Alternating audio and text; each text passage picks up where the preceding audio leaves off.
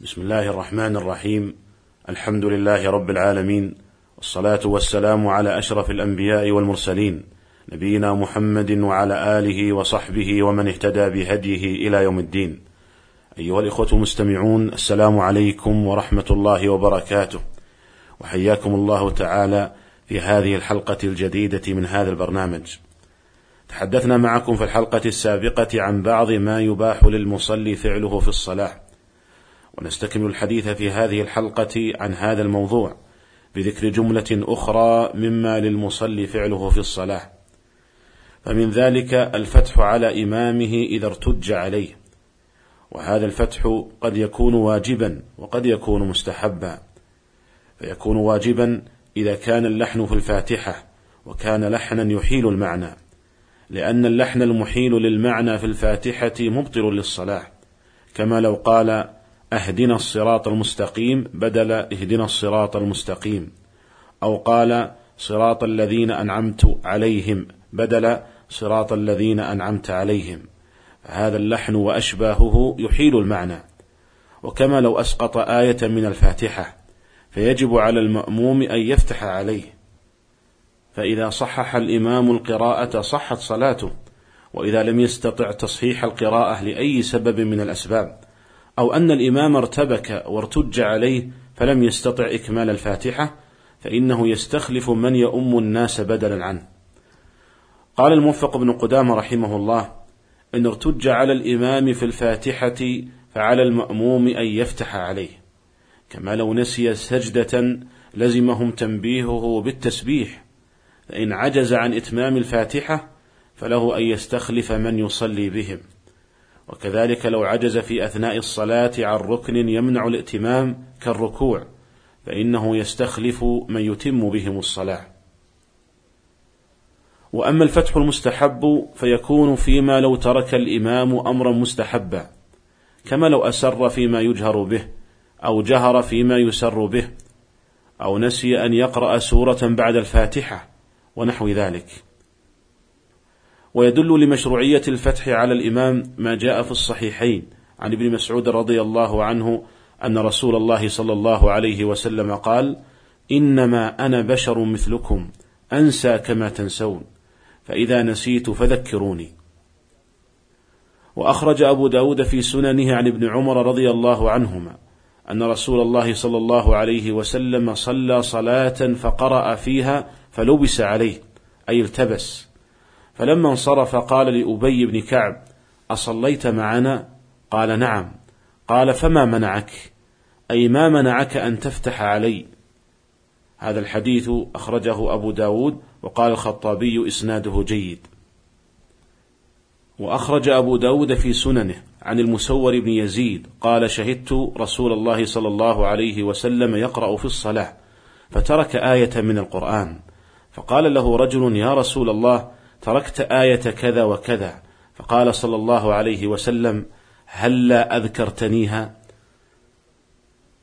وينبغي للمأموم عند الفتح على إمامه أن يكون رفيقا وأن يتحرى سكتات الإمام للفتح عليه فيها.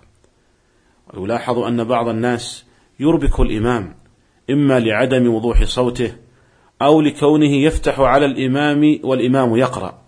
فإذا سكت الإمام سكت معه هذا المأموم. أيها الإخوة المستمعون، وإذا عرض للمصلي شيء وهو في صلاته، فيسبح أي يقول سبحان الله إذا كان رجلا، وتصفق المرأة، ويدل لذلك ما جاء في الصحيحين عن سهل بن سعد رضي الله عنه قال: قال رسول الله صلى الله عليه وسلم: إذا نابكم شيء في صلاتكم فليسبح الرجال ولتصفق النساء. وفي رواية للبخاري من نابه شيء في صلاته فليسبح وإنما التصفيق للنساء. والتسبيح للمصلي إذا كان رجلا والتصفيق إذا كان امرأة لا يختص بتنبيه الإمام إذا سهى بل يشمل أي عارض يعرض للمصلي في صلاته. فلو استأذن عليه أحد بأن قرع عليه الباب وهو يصلي فإنه يسبح إذا كان رجلا ويصفق إذا كانت امرأة. وهكذا لو ناداه أحد وهو يصلي فإنه يسبح إذا كان رجلا وتصفق المرأة. وذلك لتنبيه المنادي على أنه في صلاة. وهكذا لو خشي على إنسان الوقوع في شيء فإنه يسبح. أو كانت المرأة تصلي وبجوارها طفل وخشيت عليه من أمر ما فأرادت تنبيه من حولها للانتباه للطفل فإنها تصفق. والمقصود أنه إذا عرض للمصلي في صلاته أي عارض فإنه يسبح إذا كان رجلا وتصفق المرأة.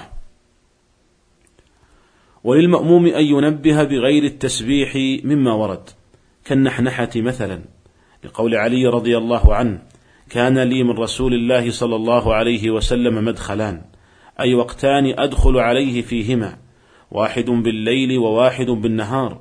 فكنت إذا أتيته وهو يصلي تنحنح لي. خرجه أبو داود والنسائي بسند صحيح. ويجوز أن يكون التنبيه بالجهر بالقراءة. فإذا استأذن عليه أحد أو ناداه وهو يصلي فرفع صوته بالقراءة أو بالذكر الذي يقوله جاز ذلك. ولكن الأفضل هو التسبيح لأنه هو الذي أمر به النبي صلى الله عليه وسلم. وإذا عطس المصلي فإنه يشرع له أن يحمد الله تعالى. ولكن ليس لمن حوله من المصلين تشميته وليس له إجابتهم. والفرق بينهما أن حمد الله تعالى ذكر لله تعالى فلم يمنع أن يأتي به وهو في الصلاة.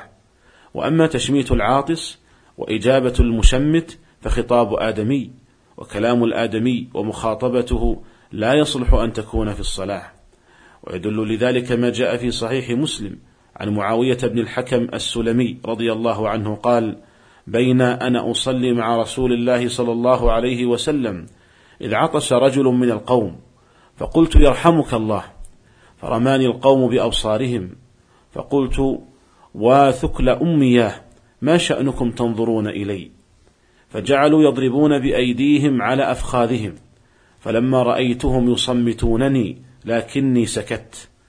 فلما صلى رسول الله صلى الله عليه وسلم فبأبي هو وأمي ما رأيت معلما قبله ولا بعده أحسن تعليما منه فوالله ما كهرني ولا ضربني ولا شتمني وإنما قال إن هذه الصلاة لا يصلح فيها شيء من كلام الناس. إنما هو التسبيح والتكبير وقراءة القرآن. وقد استدل كثير من العلماء بهذا الحديث على أن المصلي إذا عطس في الصلاة فإنه يحمد الله تعالى لكن لا يشمت أي لا يقال له يرحمك الله لأن النبي صلى الله عليه وسلم لم ينكر على ذلك الرجل الذي حمد الله تعالى في الصلاة لما عطس وإنما أنكر على معاوية تشميته إياه وهو في الصلاة. قال النووي رحمه الله في هذا الحديث النهي عن تشميت العاطس في الصلاة وأنه من كلام الناس الذي يحرم في الصلاة وتفسد به إذا أتى به عالما عامدا. قال وأما العاطس في الصلاة فيستحب له أن يحمد الله تعالى سرا. هذا مذهبنا يعني الشافعية وبه قال مالك وغيره. وعن ابن عمر والنخعي وأحمد أنه يجهر به أي بحمد الله تعالى. قال والأول أي أنه يحمد الله تعالى سرا أظهر لأنه ذكر والسنة في الأذكار في الصلاة الإسرار بها إلا ما استثني من القراءة في بعضها ونحوها. وقد ورد سؤال للجنة الدائمة للبحوث العلمية والإفتاء برئاسة سماحة الشيخ عبد العزيز بن باز رحمه الله.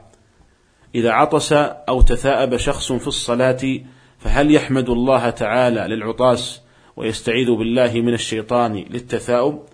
فكان جواب اللجنة من عطس أو تثاءب في الصلاة يحمد الله تعالى للعطاس ولا يستعيذ بالله من الشيطان لتثاؤبه لعدم ورود ذلك ولا يجيب من شمته لعطاسه حال كونه في صلاته ولا يرد السلام على من سلم عليه وهو في الصلاة إلا بالإشارة لعموم ما ثبت من قول النبي صلى الله عليه وسلم إن في الصلاة لشغلا. ولحديث معاوية بن الحكم رضي الله عنه لما شمت رجلا في الصلاة قال له النبي صلى الله عليه وسلم إن هذه الصلاة لا يصلح فيها شيء من كلام الناس إنما هو التسبيح والتكبير وقراءة القرآن. أخرجه مسلم في صحيحه. أيها الإخوة المستمعون هذا ما تيسر عرضه في هذه الحلقة ونلتقي بكم على خير في الحلقة القادمة إن شاء الله تعالى. والسلام عليكم ورحمة الله وبركاته.